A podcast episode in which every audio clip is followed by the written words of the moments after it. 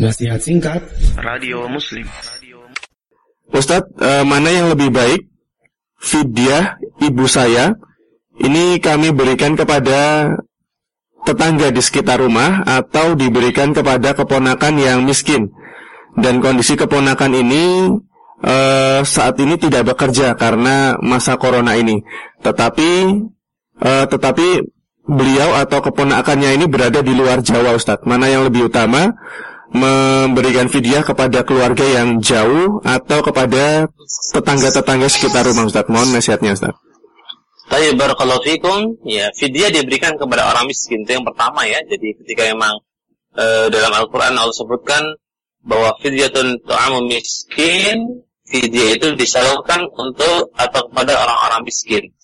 Itu yang pertama. Jika ada di antara keluarga kita yang memang kategorinya demikian itu lebih afdol ya, lebih mendapatkan keutamaan yang besar ketika kita mengedepankan saudara kita yang memang kategorinya dia membutuhkan atau miskin.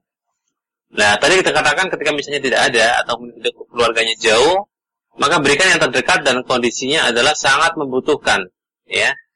Sangat membutuhkan atau kategori dalam ayat adalah miskin yang butuh bantuan. Mungkin bisa diberikan pada yang tadi ya, yang dalam kondisi dalam kondisi masa pandemi seperti ini yang memang sangat membutuhkan bantuan bantuan kita. Nah, wallahu a'lam bishawab.